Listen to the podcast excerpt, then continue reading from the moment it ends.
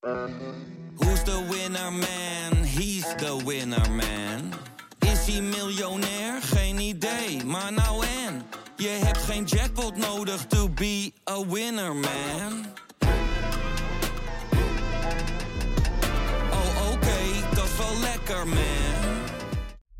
Vind je dit een leuke podcast? Luister dan ook naar Veldheren Historisch. Die maak ik, Mart Kruif, samen met mijn zoon en geschiedenisleraar Tom de Kruif. Je hoort het al, wij doen dingen die je bij andere podcasten niet hoort. Oftewel, to boldly go where no one has been before. Zo behandelen we ook de slag om Alesia, waar Julius Caesar van twee kanten door de Galliërs werd aangevallen.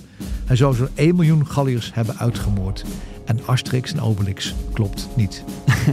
Zeker, en zo bespreken we ook markante veldheren en legendarische veldslagen uit de geschiedenis. Zo kom je bijvoorbeeld te leren waarom het jaar 1870 misschien wel het belangrijkste jaartal is in de geschiedenis. Luister dus Veldheren Historisch via Podimo. En als je je aanmeldt via podimo.nl slash Historisch, dan luister je 30 dagen gratis.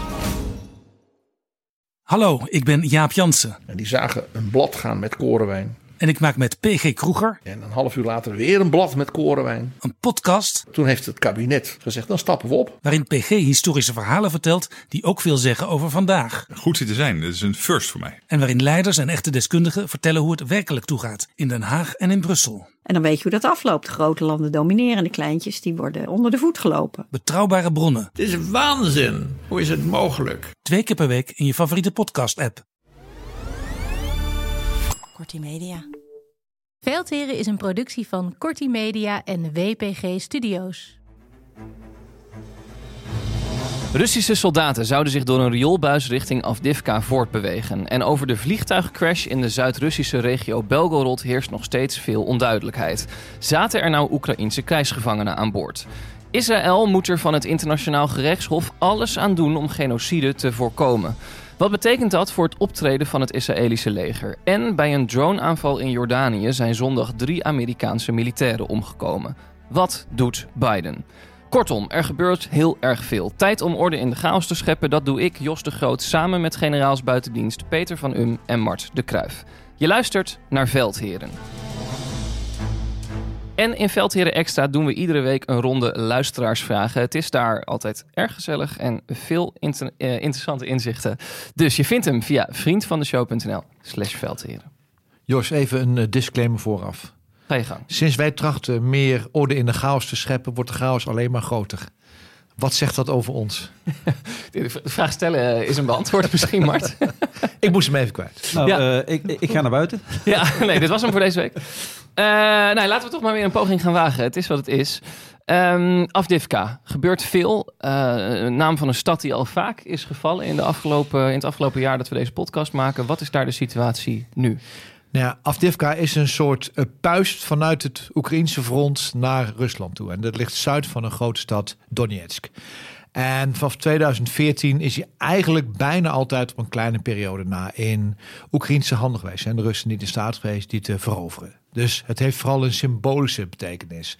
Het is tactisch belangrijk omdat je in de omgeving zit van een grote stad. Maar vooral de symboliek dat dat nooit is prijsgegeven speelt een rol. En we zien dat Rusland eigenlijk al vanaf oktober bezig is om zeg maar die puist in eigen handen te krijgen. Dat deden ze om aan de zijkanten, de boven- en de onderkant van die puist, om daar te proberen eh, de Oekraïnse troepen daar te omsingelen. Dat is niet gelukt. En nu zijn ze bezig om zeg maar van de voorkant, vanuit het oosten, met, zoals het Duits zeggen, brachiaal geweld. Dus heel veel geweld, heel veel middelen vanaf de voorkant. Eh, huisblok voor huisblok. Eh, er staat trouwens niks meer. Daar maar om dat te veroveren. Daar zijn ze nu mee bezig. En het vermoeden is. En dan, eh Mart, even voor, de, eh, voor, toch voor onze mensen. eh, want Avdivka was een stad waar 30.000 mensen wonen. Dan weet je over hoeveel huizen we ongeveer praten. Ja. Ja, en het is, Klopt. Ik, ik heb het eerder gevraagd rondom Bagmoed. Het is dus st- strijden om puin op het moment. Ja, ja het is eh, één hoop stenen. Meer is het niet meer. En eh, er stond een eh, bericht in de Telegraaf vanochtend dat ze inderdaad dat Russische staten door het riool zouden gaan. Ja? Ja, dat klinkt, heel, dat klinkt heel gek, maar daar liggen Peter en ik niet zo wakker van. Los van de stank.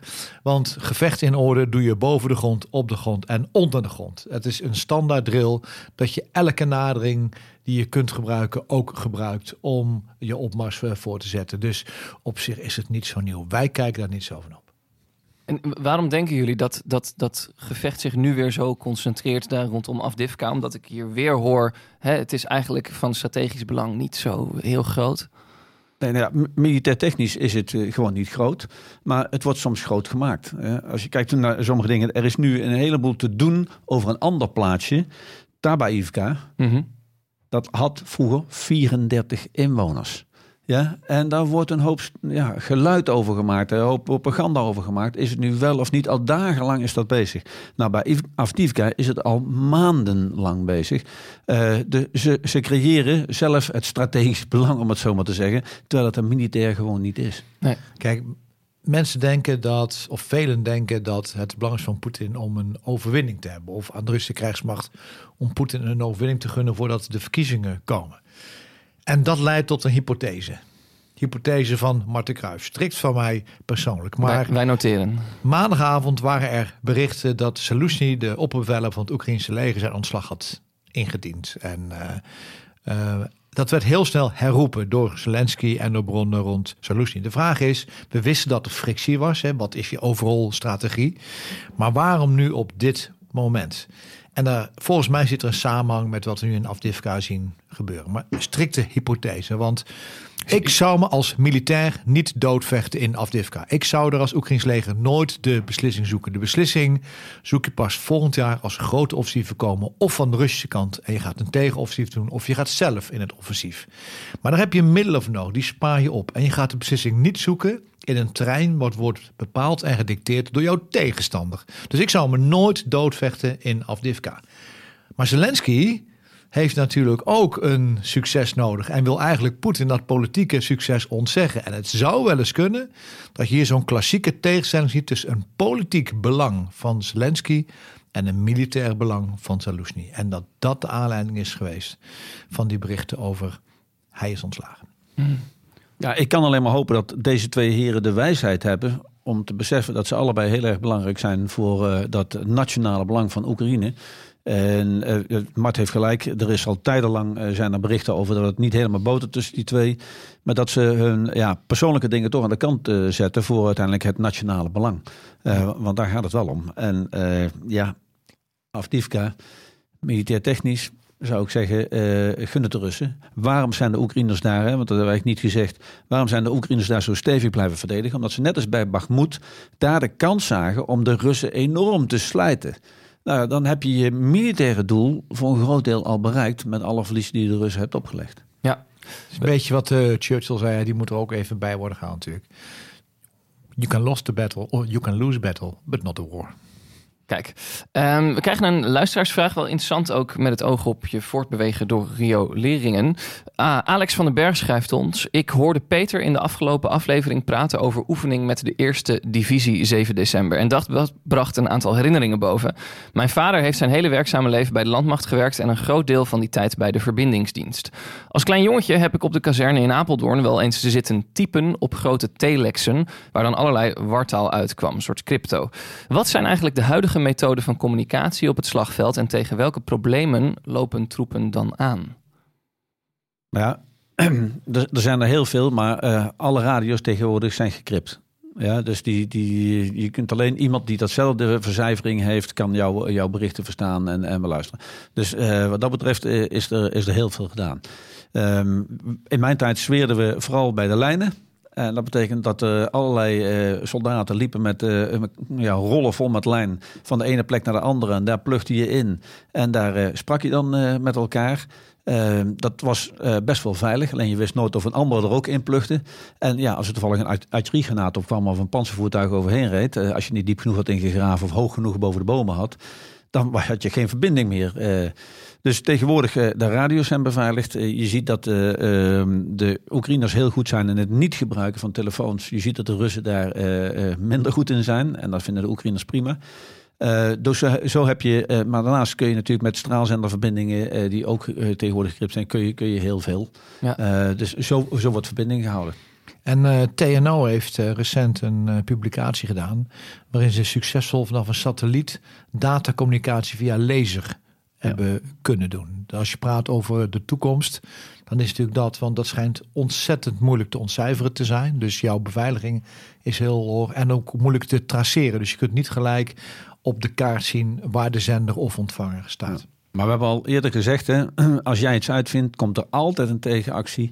Ja, in de middeleeuwen, als jouw stad bezet was of belegerd was, dan gooide je een duif omhoog met een eh, berichtje aan zijn ring. Ja, dan hadden ze toch de tegenstanders hadden dan pijl- en boogschutters klaarstaan om die duif naar beneden te halen. Uh, er is uh, wat dat betreft geen klap veranderd, want je, iedereen zal blijven proberen om de informatie van de ander ja. te beïnvloeden, maar ook af te luisteren. Dus dat gaat dan straks wel misschien wel richting satellieten die je gaat aanvallen, omdat ja, de communicatie zo ja, het, ja, Uiteindelijk blijft het gaan over zelfdenkende mensen op de grond. Ja, en even als je in een riolering loopt, uh, ja, dan is de verbinding dat is wel moeilijk, denk ik. Hè? Uh, ja, dan heb je weinig verbinding. Maar het is dat jij erover begint, Jos. Oh jee. Laten we even vooropstellen dat uh, door rioleringen lopen is niet leuk. Nee. Ja, en als die rioleringen niet goed ontlucht zijn, dan hou je het daar niet lang uit hoor. Dan ga je gewoon van je houtje en uh, verdrink je in de rotzooi. Ja. Uh, dus dus uh, je kunt niet zomaar een riool inlopen, om het zo maar te zeggen.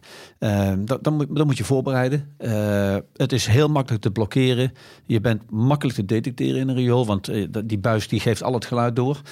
dus je, je kunt mensen horen aankomen, maar ja, je moet dan wel je oortjes erin hebben. Ja. En de verbindingen gaan vaak via lijnverbindingen in het riool. Dan moet je gewoon een, een, een draadje lijn. met een telefoon. Ja, dat ja, ja, dan eh, ik vind uh, vond een van de mooiste monumenten uh, die ik heb gezien. In Warschau staat een monument van een klein jongetje met een helm op. En dat herinnert dus aan uh, de, de kleine kinderen die gebruikt werden om berichten door te geven of wat te doen aan bevoorrading. En dat deden die kinderen dus via de riolen in Warschau. Met de Poolse opstand, opstand in Warschau. Ja. Opvallend nieuws van vorige week donderdag kwam naar buiten eigenlijk kort nadat wij onze eh, podcast hadden uitgebracht. Uh, Rusland beschuldigt Oekraïne van het neerschieten van een militair transport, transportvoertuig, vliegtuig moet ik zeggen, sorry. En zegt dat er Oekraïnse krijgsgevangenen aan boord waren. Ja, wat weten we daar nu eigenlijk van, Peter? Ja, uh, alleen wat jij net gezegd hebt. Als, ja. je, als je het feitelijk wil hebben, dan is er dus in ieder geval een vliegtuig neergeschoten. En nou, aanvankelijk zei de enige partij eh, van er zitten 65 krijgsgevangenen in die we met uh, de Russen wilden ruilen met de Oekraïners. En zes bemanningsleden van de Russen. En uh, de Oekraïners zeiden gelijk van nee, er zitten luchtverdedigingsraketten in die jullie ook gebruiken om bijvoorbeeld Kharkiv te beschieten. Um, dat zijn de feiten. En daarna kunnen we nog als feit zeggen dat natuurlijk de Russen hebben gezegd dat zij een onderzoek gaan doen. Dat ze de zwarte doos ook hebben gevonden. De Oekraïners willen een internationaal onderzoek. Nou, dat gaan de Russen natuurlijk niet doen op hun grondgebied. Dus ja, het is nu uh, afwachten uh, wat er uit die onderzoeken komt en wat ervan naar buiten komt. Want dat zijn misschien twee verschillende dingen. Maar echte bewijzen dat er zoveel slachtoffers zijn, die zijn er niet. Uh, Oekraïne vraagt ook aan de Russen om de, uh, de, de, de, de, lichamen van die krijgsgevangenen te krijgen. Die, die krijgen ze vooralsnog niet. Um, dus het is nog even uh, zoeken wat hier nou daadwerkelijk is gebeurd. Is het propaganda? Is het een truc? De Russen zeggen dat ze een kwartier voordat het vliegtuig in het gebied kwam. De Oekraïners hebben gewaarschuwd: pas op, daar zitten jullie krijgsgevangenen in, dus blijf van het vliegtuig af. Ehm, dan denk ik, nou, als je, als je naar een kruisgevangene ruil wil en je doet dit, dan zou je toch ook eerder aan de Oekraïners kunnen aangeven. Een kwartier is best wel kort dag om het zomaar te doen. En ik heb uh, uit het verleden een, uh, een, voorbeeld waar het ook goed kan gaan. Want toen de Russen uh, Georgië binnenvielen, toen zaten er Georgische militairen in Irak. 2008 hè? ja, ja, in die orde van grootte in ieder geval. En de Georgiërs hadden gezegd, we willen wel een contingent naar Irak sturen. Maar als er bij ons wat aan de hand is, dan willen we wel dat ze gegarandeerd terugkomen. Dat hebben de Amerikanen toegezegd. Dus toen de Russen Georgië binnenvielen toen hebben de Georgiërs gezegd, nou Amerika, hoppatee, leveren. En dat hebben de Amerikanen gedaan. Maar de Amerikanen, die hebben toen contact gezegd met de Russen. En naar wat ik van mijn eigen collega heb gehoord toen dat uit, uh, was er geen contact meer op het politieke en diplomatieke uh, niveau. Alleen uh, de Russische CDS nam de telefoon op. En die hebben, twee hebben toen gewoon eh, met elkaar gesproken. En daar heeft de Amerikaan gezegd, even voor de duidelijkheid. Er komen twee van onze vliegtuigen in dat tijdblok, in dat traject, naar dat vliegveld. Die leveren alleen maar geologische eh, troepen af, verder niks. En daarna vliegen ze weer weg. En uh, doen nog geen domme dingen en uh, escaleren het conflict nog niet door iets uh, onverstandigs te doen. Nou, en dat is dus heel veilig gegaan. En iedereen heeft zich aan afspraken gehouden. Dat waren militairen die dat met elkaar afspraken? Ja, er waren militairen die dat met elkaar hebben afgesproken. Mart, wat, wat, wat vind jij het meest geloofwaardige scenario met betrekking tot dat vliegtuig? Ja, het is heel moeilijk, want misschien moet je ook een beetje de techniek erbij halen. En elk militair vliegtuig, trouwens ook burgervliegtuigen hebben dat, die hebben een transponder, die heet IFF, Identity Friend or Foe. Op het moment dat je wordt aangestraald door een radar, geeft hij een bepaalde code terug, waardoor je kunt zien dat is er eentje van ons of niet. Dus in principe moet je kunnen zien of een vliegtuig vijandelijk is of niet. Nou, dat zal in dit geval ook zijn gebeurd. Er is iets vreselijk fout gegaan, alleen wat weten we niet.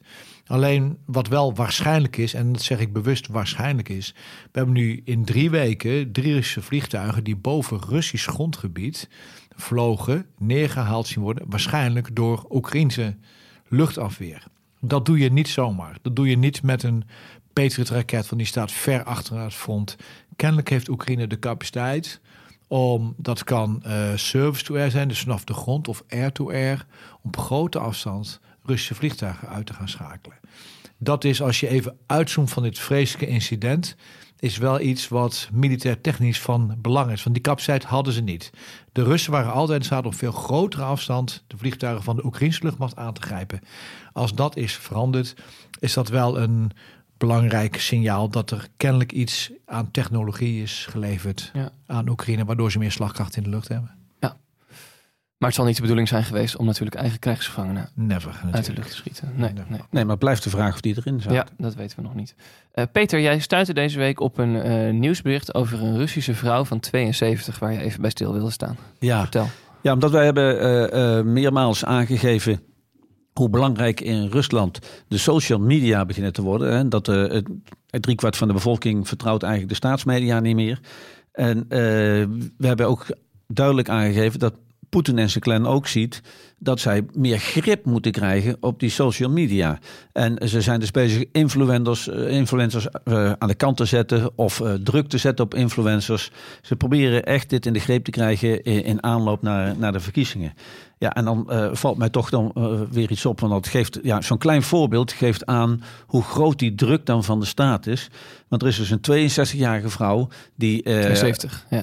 Uh, of 72-jarige ja, vrouw, ja, sorry. Ja, die, die al eerder had aangegeven dat ze eigenlijk niet eens was met, de, met de, nou ja, de oorlog. Mag je in Rusland niet zeggen natuurlijk. En die mevrouw die heeft uiteindelijk aangegeven in twee uh, posts die ze online heeft gezet. Wat er met de militaire slachtoffers gebeurt aan het front. En uh, zij wordt nu voor het verspreiden van valse informatie over de strijdkrachten, wordt ze nu vijf en een half jaar de cel ingezet. Nou, dat, dat, dat geeft even aan wat er in dat land aan de hand is. Ja, uh, social media zijn niet meer vrij, er ligt grote druk op. En als je een uh, verkeerde beweging maakt, dan word je gewoon in je kuif gegrepen en de cel ingegooid. Ja. Uh, en, en, zo zie je hoe, hoe, ja, hoe eng het begint te worden voor de Rus in Rusland. Ondertussen ligt deze week ook de vraag op tafel of de Hongaarse premier Viktor Orbán een steunpakket van 50 miljard euro voor Oekraïne in de EU blijft blokkeren. Um, wij nemen nu op op woensdagochtend, zo eigenlijk zoals elke week. Donderdag is er een speciale EU-top over dat hulppakket. Nou, een beetje de Rob de Wijk vraag, maar wat, uh, wat verwachten jullie daarvan? Ja, het is, het is nog een beetje kristallenbol natuurlijk. Uh -huh. maar, maar dat uitgelekte bericht, wat denk ik uh, uh, iedereen wel heeft meegekregen. Uh, waar, waarin staat dat er ook een scenario is dat Hongarije stevig wordt aangepakt door de andere Europese landen. dat is natuurlijk een bewust uitgelekte ja. iets. En dat zet een druk op de Hongaren. De, de dag daarna was er gelijk een soort assistent van Orbán. Die riep van nee, maar onder voorwaarden willen we wel akkoord gaan. Uh, dus hij voelt in ieder geval de druk. Uh, en als die maar groot genoeg is, dan uh, denk ik dat hij uh, uiteindelijk ja, zijn knopen telt. En, en, en, toch akkoord zou gaan. Mm -hmm. De vraag is natuurlijk: stel dat Orbán akkoord gaat, wat doet Fico van Slowakije dan? Want als die twee het een beetje slim spelen, zegt Orbán nou ja en houdt Fico het tegen. Het zegt veel over de eenheid van de EU, hè, wat hier gaat Nou ja, kijk, op lange termijn heeft het wel een effect. Want als je steeds meer de neiging krijgt om dan niet met 28 landen te beslissen, maar met 26, hè, dus om Slowakije en Hongarije heen. Dat is natuurlijk een teken. Dat is niet wat je wil als Europese Unie. Maar het is ook niet wat Hongarije zou willen. Want dan verlies je namelijk je macht en invloed. Dus hoeveel keer kun je dwars liggen? He, dus het is ook een strategisch belang van Hongarije om goed na te denken. Wanneer geven we een symbolisch uh, teken af dat wij het er niet mee eens zijn. Maar hoe lang kunnen we dat volhouden? Want als er mechanismes komen binnen de Europese Unie die gaan kijken van we gaan workarounds zoeken voor de besluitvorming die we hebben. En daardoor word je als Hongarije min of meer buitenspel gezet. Dan heb je A minder invloed en B minder toegang tot de fondsen die de Europese Unie heeft geblokkeerd. En die eigenlijk klaarstaan om uh, Hongarije weer voor te stuwen in de vaart der volkeren. Dus het is niet zomaar dat hij zomaar nee kan zeggen. Daar zit ook een prijs aan. Dus ik verwacht dat we gewoon morgen gaan zien, en dat geldt ook voor Slowakije, dat er een soort van overeenkomst is. Want ze kunnen zich niet permitteren dat er een workaround komt. En ik denk dat die gaat komen, die workaround. Oké. Nog een uh, kleine hypothese die hier even uh, wordt Hypothese nummer twee. Um, we ontvangen een uh, luisteraarsvraag van Menno Schaefer. Hij schrijft ons: Twee weken geleden zei Mart over de Baltische staten het volgende: Als Rusland binnenvalt, is de NAVO dan wel bereid om te interveneren? Over deze interventie vraag ik mij twee dingen af. 1. Hoe zou deze interventie eruit zien? De NAVO zal toch op een of andere manier om Kaliningrad heen moeten. Rijden door de Suwalki-corridor lijkt mij niet. Een luchtbrug of via zee lijkt mij ook niet erg waarschijnlijk. Kaliningrad is tot de tanden toe bewapend en de Russische Baltische vloot ligt ook hier. Betekent dit dat we eerst Kaliningrad onder controle moeten krijgen voor we überhaupt kunnen helpen? Vraag 2 komt de nucleaire dreiging plots te vervallen. We willen in Oekraïne geen boots on the ground onder uh, onder andere vanwege de nucleaire dreiging. Is dat anders als Rusland de Baltische Staten zou binnenvallen? Ja, dus even dat scenario van ja, een Russische inval in de Baltische Staten. En wij weten bijvoorbeeld dat er ook scenario's worden geoefend. Wat gebeurt er met de Swalski Gap? Hè? Dat uh, zijn ook naadoefeningen die daar naar kijken. Uh, Wat is dat eigenlijk? Ja, dat is, de, zeg, dat is de doorgang tussen Russisch grondgebied en Kaliningrad. Okay. zeg maar een kleine corridor is dat. Maar eigenlijk ligt er wel een parallel met de Koude Oorlog. He, een van de dingen om dat te voorkomen, namelijk, dat noemen ze tripwire, een struikeldraad. Dat wil eigenlijk zeggen dat je uh, militairen van alle NAVO-landen of zoveel mogelijk NAVO-landen stationeert in de Baltische Staten. Dat betekent namelijk dat als de Baltische Staten worden aangevallen, zijn ze niet die drie staten in oorlog met Rusland, maar is heel NAVO in oorlog met Rusland. Dus een van de beste preventieve acties die je kunt doen, hoe raar het ook klinkt, is het forward presence, is naar voren stationeren van NAVO-landen. Want dat wil zeggen dat het een afschrikwekkende werking heeft naar de Russen. Dan krijg je natuurlijk de meer operationele vraag: hoe ga je om met Kaliningrad? Ja, dat is natuurlijk een hele grote uitdaging. Uh, want daar zul je echt offensief moeten optreden, maar ook tegen een hele hoge prijs. Uiteindelijk zou dat wel kunnen, maar de vraag is: hoe zit het in tijd en ruimte? Simpel uitgelegd, kun je tijdig voldoende troepen concentreren en mobiliseren om offensief te gaan optreden? Dat is natuurlijk de vraag. Word je verrast of word je niet verrast? En dat ook is, is ook weer de parallel met de Koude Oorlog. Mocht conventioneel optreden om de een of andere wijze, mocht je daar niet mee redden, ja, dan komt een nucleaire optie komt natuurlijk echt op de voorgrond. Dus terug naar af. Afschrikking is cruciaal. Ja. En afschrik doe je niet alleen met middelen, maar ook met woorden dat je laat zien dat je vastberaden bent om de Baltische Staten te blijven verdedigen. Ja. Maar de Baltische Staten, zelfs met de nu uh, aanwezige NAVO-troepen in die landen, zijn niet in staat als de Russen massaal komen om die Russen tegen te houden. Dat gaat gewoon niet lukken. En we moeten ook niet de illusie hebben dat we uh, zo snel met een tegenactie kunnen reageren. Dat we uh, ervoor zorgen dat de Russen niet de hele Baltische Staten innemen. Ehm, dus dat, dat, dat zie ik niet mhm. als realistisch. Dus dan kijken we heel snel naar iemand anders. Dat zijn de Polen. Hmm. Want de Polen zullen na de Baltische Staten de klap moeten opvangen. Uh, en Mart had het al over van hoeveel tijd en ruimte heb je. De Polen zullen dus uh, tijd moeten kopen, samen met die eerste aanval op de Balten, om de NAVO de tijd te geven om troepen aan te trekken. en dan iets in een tegenoffensief te gaan doen. Ehm, dus ja, dan leunen we ook heel zwaar op de Polen. En toch nog even, stel de inval komt er in de Baltische Staten. Zou dat voor de NAVO een andere houding kunnen betekenen met betrekking tot NAVO-militairen op de grond in Oekraïne? Want op, op, op, dat moment is het hek een beetje van de dam, zou je misschien kunnen zeggen. Ja, maar ik, ik zie niet dat uh, Rusland nog aan het knokken is in de Oekraïne. Mm -hmm. uh, en dan uh, tegelijkertijd iets in de Baltische Staten gaat doen. Ik denk eh, dat eh, Poetin dan echt zijn hand overspeelt. Eh, dat dat kan, kan hij niet aan. Ook al roemen ze nu heel erg over de, de defensie-economie of de oorlogseconomie in Rusland. Die qua militaire productie het best wel redelijk doet. Maar uh, ook qua mankracht, uh, hij zit nog steeds vast aan het feit dat hij geen dienstplichtige mag inzetten. Dan moet hij die stap gaan zetten. Dan krijg je toch een andere reactie in zijn samenleving. En hij moet op, ja, als ik het maar even mag zeggen, twee naast elkaar liggende fronten gaan vechten. Uh, ik zie hem dat nog niet doen. Maar ik weet niet of Marten daarmee eens is. Nou, er komt nog iets uh, uh, bij. Dat, uh, we hebben het al vaker genoemd. Dat Petraeus heeft binnen een jaar geleden ooit geroepen. Amerikaanse generaal. Amerikaanse generaal. En natuurlijk ingegeven door de Amerikaanse regering en het Pentagon. dat mochten de Russen overgaan tot een nucleaire optie. De Amerikanen met conventionele middelen in staat zouden zijn. Om een groot deel van het Rustleger te vernietigen. En de Verenigde Staten hebben echt de capaciteit om over grote afstand met grote precisie de Russen te kunnen aangrijpen. Dus dat is wel een capaciteit die wat anders is dan in de Koude Oorlog. Ze kunnen echt heel diep met hun wapens, lucht, ruimte en overland, kunnen ze effect bereiken aan de Russen. Dus dat heeft ook wel een, een buitengewoon afschrikwekkende werking. En het is niet alleen de Amerikanen. Het is niet voor niks dat de eh, Oekraïne al langer vraagt om lange afstandsmiddelen, ook van Frankrijk, Duitsland. Ja. Uh, dat gaat dan ook allemaal ingezet worden. Ja. Kortom, de spanning neemt toe. Dat leidt ook tot een nieuwsbericht uit Nederland. Uh, afgelopen maandag, de Tweede Kamer wil snel uitbreiding van het dienjaar bij Defensie. Er zijn nu 132 plekken en ze willen naar de 1000. Nou, dat vinden jullie vast goed nieuws. Ja, dat, vinden, dat vind ik in ieder geval uh, goed nieuws. Ik vind, ik vind dat mooi dat dat dienjaar er nu is. En dat mensen dus uh, vrijwillig, hè, moeten we goed begrijpen, uh, vrijwillig hun dienstrecht als het ware opvragen. En dat uh, bij Defensie dan doen. het mes snijdt aan twee kanten. Jongelui kunnen proeven aan Defensie. Defensie kan proeven aan de jongelui. En, en dan kun je hopen dat een hoop daarna een contract tekenen. of in ieder geval met een stuk vorming weer de maatschappij ingaan.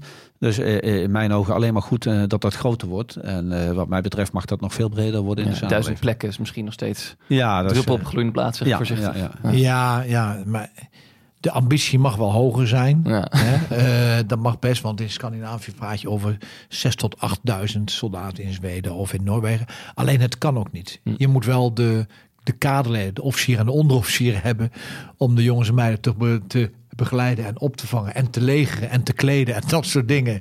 Dus je ziet dat de ambitie wordt ook beperkt door de realiteit van alle dag. De krijgsmacht kan op dit moment gewoon niet al te veel leveren.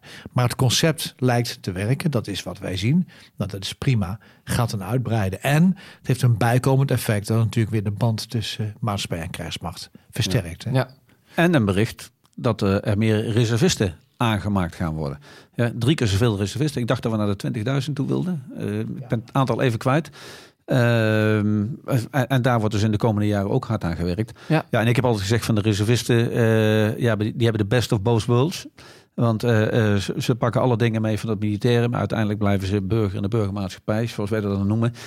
dus ja, die snoepen van twee kanten. Maar met, met reservisten twee opmerkingen. Laat het niet ten koste gaan van parate operationele capaciteit. dus ga niet jouw paratencapaciteit kleiner maken en vang dat door reservisten. Dat is een verkeerd signaal. Je hebt reservisten vooral nodig. En dat zien we nu in oorlogstijd om te kunnen uitbreiden, opschalen of vervangen. En een tweede is, ik wijs even naar een opmerking van het Kamerlid Tuinman gisteren of maandag in het debat. En die had het voorstel om alle 22.000 burgerfuncties bij Defensie vrijwillig te vragen of ze reservist zouden willen worden. Dat vond jij mooi? Nou, ik vind het wel een grappige opmerking. Want je kunt het niet over één kam scheren. Hè? Mhm. Je kunt niet de monteur, de burgermonteur die onze voertuigen repareert, die is eigenlijk al min of meer een soort reservist. Die kun je over de kam scheren met natuurlijk de duizend ambtenaren in het eh, op eh, het plein, op het mhm. ministerie. Dat, dat is iets anders. Dus het is ook een beetje prikkelende opmerking van hem. En wat hij eigenlijk bedoelt is... denk nou eens na, hoe groot is de, is de krijgsmacht? Hoeveel militairen hebben we? Hoeveel product zetten we op de grond? En hoeveel staf hebben we daarboven zitten? Dat is natuurlijk de indirecte opmerking. Die ja. Maar het is wel opvallend dat een Kamerlid zoiets roept. Je ziet toch dat in de Kamer is een andere dynamiek aan het ontstaan als je praat over defensie. En er komt natuurlijk dat je een aantal mensen in de Kamer hebt zitten... die natuurlijk veel meer kennis en achtergrond hebben van Defensie dan tot nu toe. Ja. We, we krijgen nog wel een interessante luisteraarsvraag over die dienstplicht. Lammert Duist schrijft ons... Ik ben inmiddels 40 en heb enkele decennia geleden de brief ontvangen... die aangaf dat ik niet het leger in hoefde. De dienstplicht is niet afgeschaft, maar er is geen meldplicht meer. Nu begrijp ik dat ik nog steeds opgeroepen kan worden tot mijn 45ste. En daar stopt mijn kennis. Stel nu dat ik daadwerkelijk opgeroepen word. Hoe gaat dit dan in zijn werk? Krijg ik een brief of een telefoontje? Moet ik me melden bij een kazerne? Ga ik training krijgen? Wat wordt er allemaal in gang gezet als ik en met mij vele andere generaties toch nog die oproep krijgen? Want dat is momenteel zo'n blinde vlek. Nou, laten we eerst even in perspectief zetten. De, in Oekraïne moet je tot je zestigste naar het front. Ja. Nou weten we even waar we het over hebben. Ja? Ehm, in Nederland, als we de opkomstplicht dus weer invoeren en we toch dienstplichtigen gaan oproepen, ja, dat is eh, een leuk idee. Maar ehm, hoe we dat gaan doen, met welke middelen, met welke kaderleden, uh, welke uh, spulletjes, het is er gewoon niet. Dus als je dat wil doen en je zou nu die knop omdraaien, dan is dat puur een symbolische daad. En verder gebeurt er helemaal niks. Want ja, je kunt wel tegen iemand zeggen, je bent nu militair, maar zo werkt het volgens mij niet. Hmm. En ja, het is een veelgestelde vraag, ook in onze theatercolleges. Ja. Dus er zijn veel mensen die hier misschien mee bezig zijn, misschien zelfs wakker van liggen om bezorgd om zijn. En uh, ja, in het theatercollege hebben we iets meer gelegenheid om, uh, om daar langer op in te gaan. Altijd voor voor discussie, ja, die ja, dienstplicht. Ja, eigenlijk ieder theatercollege komt deze vraag terug. En ik zou zeggen, ja, met een glimlach op mijn gezicht, kom naar de theatercolleges. Gaan we er wat dieper op in. En ik zou eigenlijk zeggen, maak een masterplan weerbaarheid hè? in Nederland. Laten we dat maar eens gaan doen. Gaan we naar de andere oorlog die we in deze podcast bespreken. In en rondom Gaza gebeurt heel erg veel. Laat ik even beginnen met uh, onze minister, demissionair minister van Defensie, Kajsa Ollongren. Die was in Israël om te praten en te de-escaleren, wordt dan gezegd. Uh, ze vroeg daar om een staakt het vuren en zei ook... door oorlog te blijven voeren word je uiteindelijk niet veiliger. Doet dat nou zoiets als een Nederlandse minister uh, op een kantoor in Israël komt?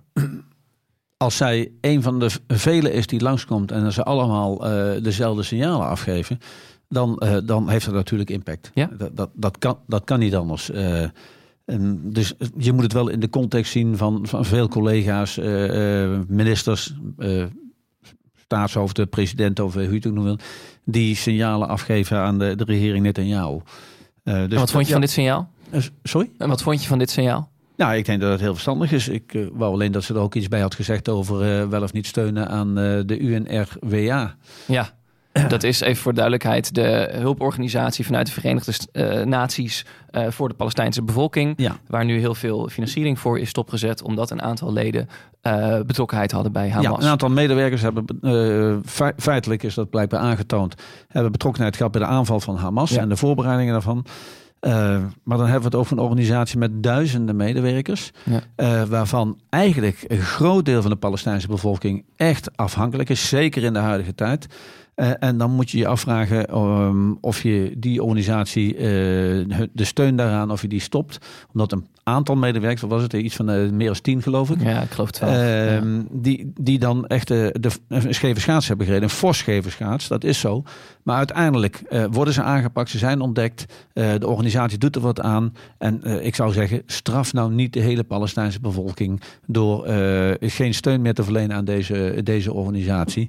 nou, en Sigrid Kaag, die natuurlijk nu vanuit de VN verantwoordelijk is hè, voor die wederopbouw van, van de Gazastrook, Ja. die heeft gezegd: ja, er is eigenlijk helemaal geen, er is helemaal geen vervangend orgaan, omdat die UNRWA in de haarvaten van, van de Palestijnse samenleving zit. Juist, dus, dus nogmaals, Het alternatief we, is hebben, er het, we hebben het heel vaak over, is het nou proportioneel wat Israël doet? Ik vraag me af of we eh, het op deze manier eh, steun ontzeggen aan deze organisatie, of dat proportioneel is gezien het feit wat er eh, verkeerd is gegaan. Ja. Maar je moet wel gaan onderzoeken. Er zijn ook verhalen dat een deel van de financiering van een, een UNRWA, ik moet het goed zeggen, UNRWA. hè, dat het eh, waarschijnlijk ook in handen is gekomen of gebruikt door islamitische jihad en Hamas. Je moet echt even goed onderzoeken Mhm. wat hier gebeurt. Ja. Maar, de ondertussen hulp- is de financiering Maar natuurlijk de hulp wel- staat er bovenaan. Ja. Eh, wat mij opviel, vanochtend een eh, bericht we hebben het er vaak over dat daadwerkelijk delen van het gangenstelsel onder water zijn uh, gezet. Met uh, zoutwater. Zij het in de beperkte zin. Israëli's zeggen op plekken waar het geen invloed kan hebben op het grondwater. Ik ben geen techneut, geen cynist, maar het is daadwerkelijk is het uh, gebeurd. En je ziet natuurlijk dat er steeds meer verhalen komen dat er de onderhandelingen in Parijs hè, tussen Egypte, Israël, Hamas. Ja, Qatar en de VS. Qatar en de VS. Ja dat er in elk geval een voorstel op eh, tafel ligt, wat nu nader wordt bestudeerd door de leiding van Hamas en Israël. Die gesprekken werden constructief genoemd.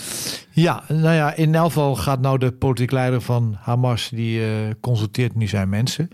En uh, het is wel duidelijk dat als er zoiets komt, dat ook binnen Israël tot dynamiek gaat leiden. Uh, want uh, er zijn sterke verhalen dat als er een overeenstemming komt, dat de rechtse partijen uit het Israëlisch kabinet eruit stappen. dat zijn Havik, die willen dat niet, maar dat de centrale en linkse partijen en die hebben gezegd: wij zijn tegen Netanyahu, die moet kost wat kost weg. Maar in dit geval gaan we steunen. Want wij willen onze mensen ook terug. Dus er is heel veel dynamiek op beide fronten nu. Het is heel moeilijk in te schatten waar dat heen gaat. Je kunt wel in ieder geval constateren als een feit dat er wordt gepraat, dat wordt onderhandeld in Parijs. En dat dat tot een resultaat heeft geleid wat nu wordt besproken. Ja. Iets andere toon horen we toch nu. Ja, ik, wil, ik wil niet meteen het woord hoop uh, noemen, maar constructief is zo'n woord. Dat ik denk, misschien komen we ergens. Ja, ik moet het nog zien. Uh, ja. De partijen staan zo hard tegenover elkaar. En uh, bij Hamas ja, we weten dat ze gewoon lak hebben aan de uh, ellende die ze over hun eigen volk af, uh, afstorten.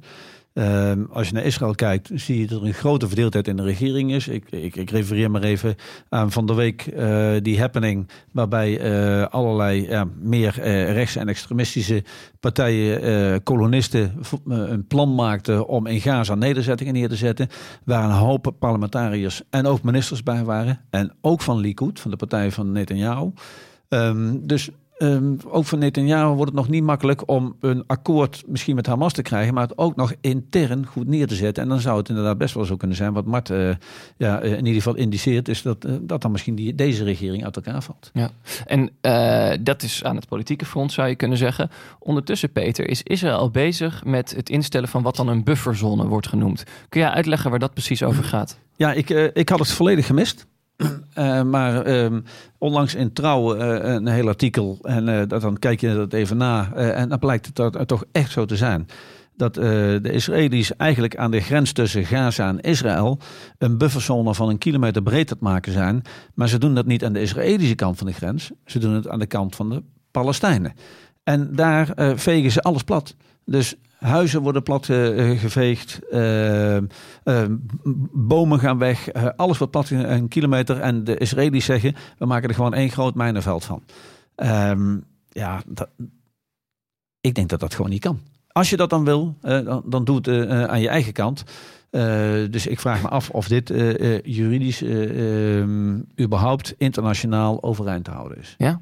waarom doen ze dat niet aan, aan de andere kant van de grens? Nou, het argument lijkt mij logisch, maar, hm. niet, maar niet juist. Ja. je gaat geen eigen trein gaan gebruiken met jouw nederzettingen uh, om jou veiliger te maken. Dat is eigenlijk een soort additionele straf die je geeft aan de bewoners van Gaza en Hamas omdat zij de aanval zijn begonnen op 7 oktober. En, en eigenlijk wat je daar construeert, kennen we eigenlijk al. Hè? Dat noemen ze voor de Innerduitse grens. Het ijzeren gordijn was net zo'n strook, ook vergelijkbaar. Niet helemaal kaal, dat wel, maar mijnenvelden, automatische schietinstallaties, wachttorens, mijnenvelden. Te bizar voor woorden. Ja. Er was vanuit Israël ook een undercover operatie deze week in een ziekenhuis in Jenin op de westelijke Jordaanoever. Daar werden drie leden van Hamas en Islamitische Jihad, dat zijn de berichten, uh, doodgeschoten. Wat voor operatie was dit? Het, het, staat bijna in zo'n schril contrast. Een soort precisieoperatie met de enorme bommenregens die, die we zien. Wat voor operatie is dit? in ieder geval, ik denk dat dit een Mossad-operatie is geweest. Tenminste, mm daar heeft het alle kenmerken uh, van. En het schrift op het leiderschap van Hamas en de islamitische jihad. En ik ben niet in staat om te zeggen of er een verband is tussen de politieke ontwikkeling en wat er gisteren is eh, gebeurd. Hè? Dat ze bijvoorbeeld zeiden, let op, wij kunnen jullie leiderschap overal pakken waar je ook zit. Dat weet ik niet. Maar het is een hele andere actie dan eh, tot nu toe. Maar ook heel veel vraagtekens, ook juridisch. Hè? Hoe kun je mensen in een ziekenhuis onder bescherming van het Rode Kruis uitschakelen? We dat ook even met z'n allen noemen. Dat kan ook niet zomaar. Ja, maar eh, dan ook de vraag stellen van... kun je zomaar eh, een planningscel in een ziekenhuis zetten? Precies, Ja. precies. Ja, wel naar twee kanten dan Ja, kijken. ja, Ja, want dit, dit geeft ook weer een soort van bewijs van, nou ja, zie je wel, ze zitten soms in een ziekenhuis. Ja. En Maar het punt is dat je dus heel goed moet oppassen om eh, feitelijk te kunnen duiden wat er aan de hand is. Je kunt het wel inschatten, maar de eerste berichten die we krijgen, die kloppen bijna nooit. Ja. En het is altijd goed om een mening vormen kan heel snel, een opinie vormen duurt meestal wat langer, maar dan is het al uit de actualiteit. Nou, eh, er gebeurt veel. Afgelopen vrijdag deed de voorzitter van het Internationaal Gerechtshof een nou, opvallende uitspraak. Israël moet van het Internationaal Gerechtshof, eh, gerechtshof alles doen om genocide te voorkomen. Zo werd het dan eh, gezegd. Eh, Pe- Peter, hoe heb jij geluisterd naar die uitspraak? Ja, hij ligt iets genuanceerder. Een beetje iets. Want volgens mij hebben ze gezegd...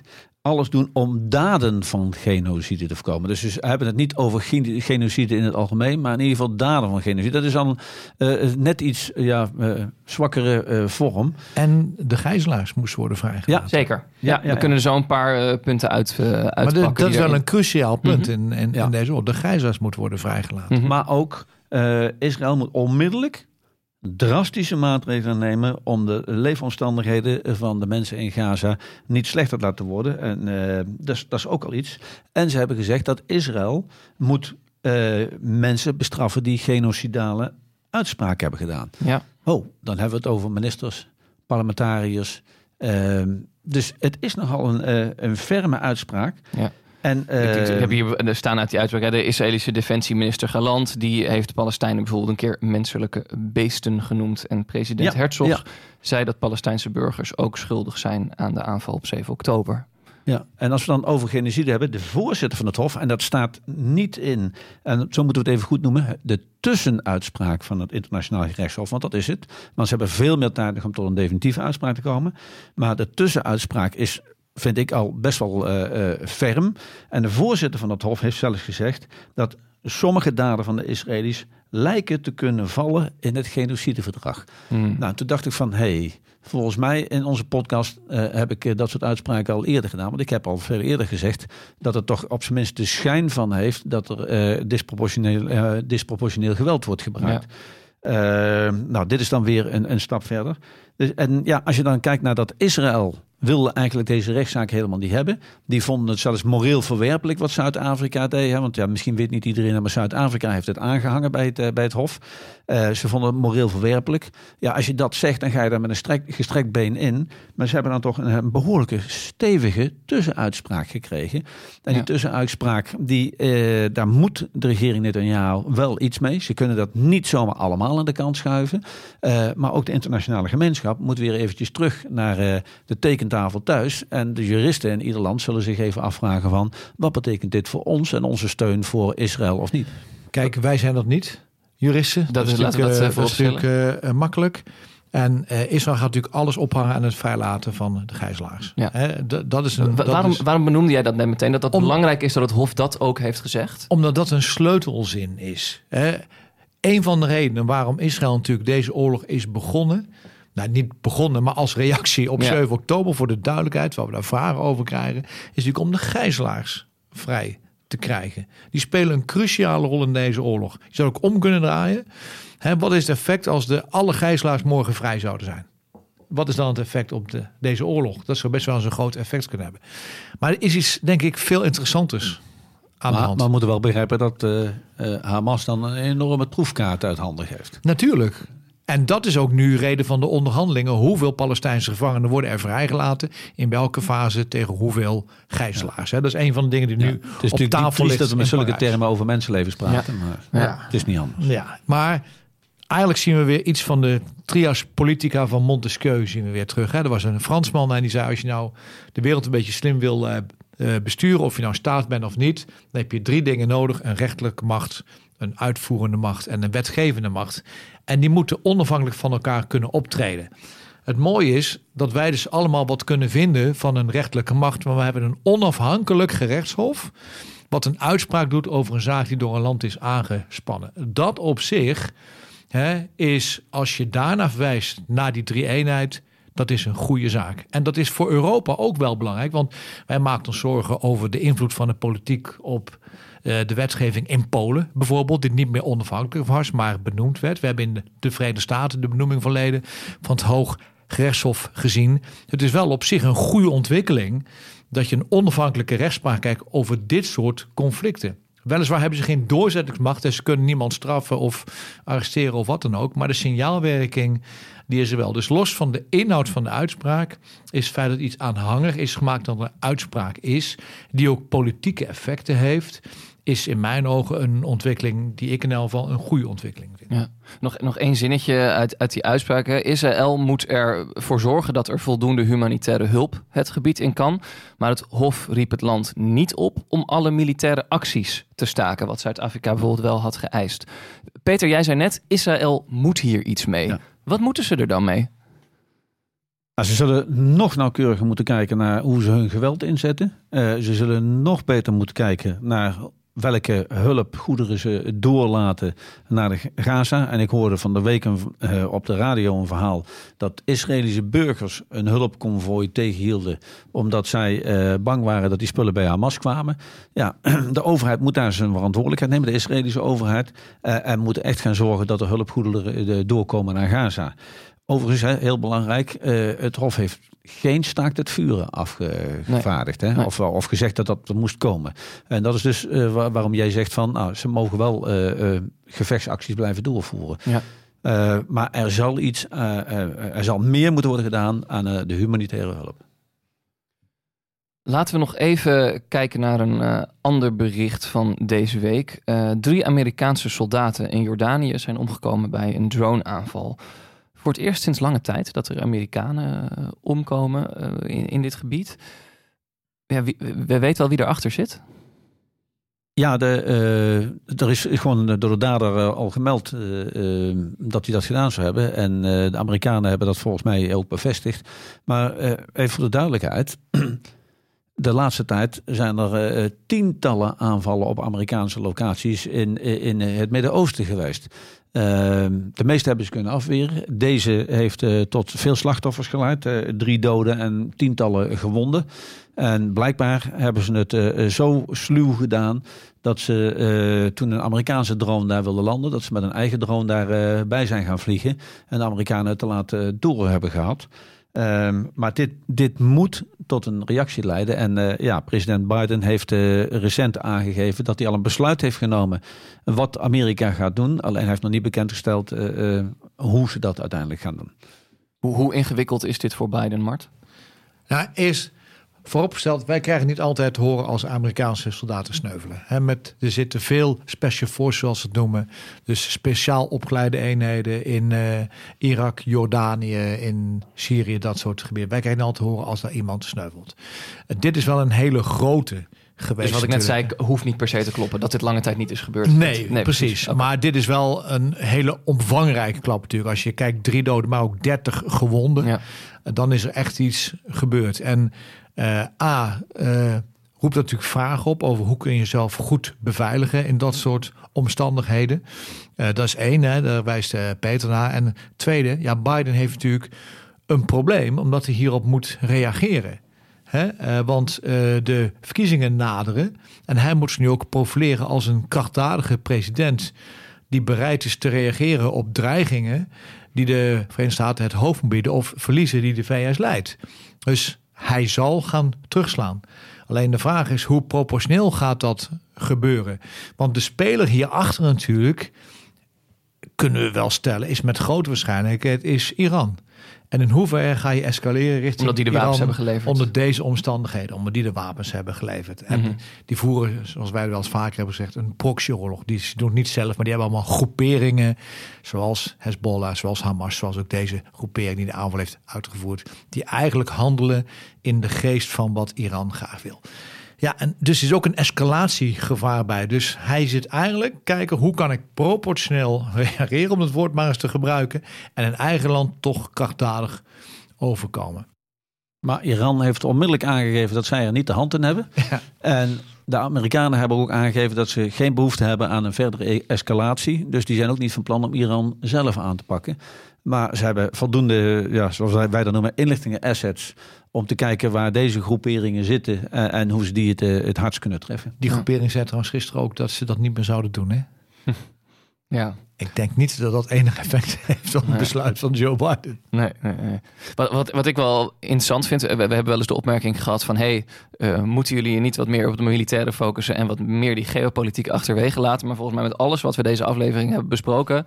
maakt dat heel erg duidelijk hoe ontzettend die twee op dit moment samenhangen. Ja, nee, het zit natuurlijk heel verweven. En, eh, en de hypothese van Mart in de discussie tussen de Oekraïnse leiding, ja, die, dat geeft aan eh, hoe dicht het tegen elkaar ligt. Ja, en ook de situatie van Netanyahu... die dus nu misschien over links gaat, om het maar zo te zeggen. Ja, ja. Ja. Anders komt er geen eh, akkoord. En dan praat niet eens over het feit dat Netanyahu weet... zodra er een definitieve wapenstilstand hebt... dat hij waarschijnlijk weg is van de macht. Omdat dan 7 oktober... en de aanloop naar 7 oktober... de fout die zijn gemaakt in zijn volle hevigheid... in de Israëlische maatschappij... eh, dat er vragen over worden gesteld... en dat men antwoorden zal eisen. Eh, Waar gaan jullie op letten richting komende week? Nou, ik zou het wel eh, fantastisch vinden als er een eh, soort akkoord eh, over de Gaza komt. Dat is denk ik goed voor alle partijen. Daar sluit ik me helemaal aan. En ik ga kijken of de hypothese werkt. We hebben twee hypotheses. We hebben zelfs twee, We- ja. we, we zijn- we komen er volgende week op terug. Goed, dat was hem weer eh, voor deze week. Dit was Veldheren. Mijn naam is Jos de Groot. Naast mij zitten generaals buitendienst Peter van Um en Mart de Kuif. Bij Veldheren Extra op vriendvandeshow.nl slash Veldheren gaan we nog even door en beantwoorden we meer vragen van luisteraars. Bijvoorbeeld een van Max. Hij vraagt ons, ik wil graag bij de strijdkrachten, maar één ding zit me toch dwars en dat zijn drones. Hoe bepalen drones de oorlog in Oekraïne en andere oorlogen en wat kun je daar eigenlijk tegen doen? Nou, wil je weten wat Peter en Mart erover te zeggen hebben? Luister dan naar Veldheren Extra via vriendvandeshow.nl slash Veldheren. En anders, tot volgende week.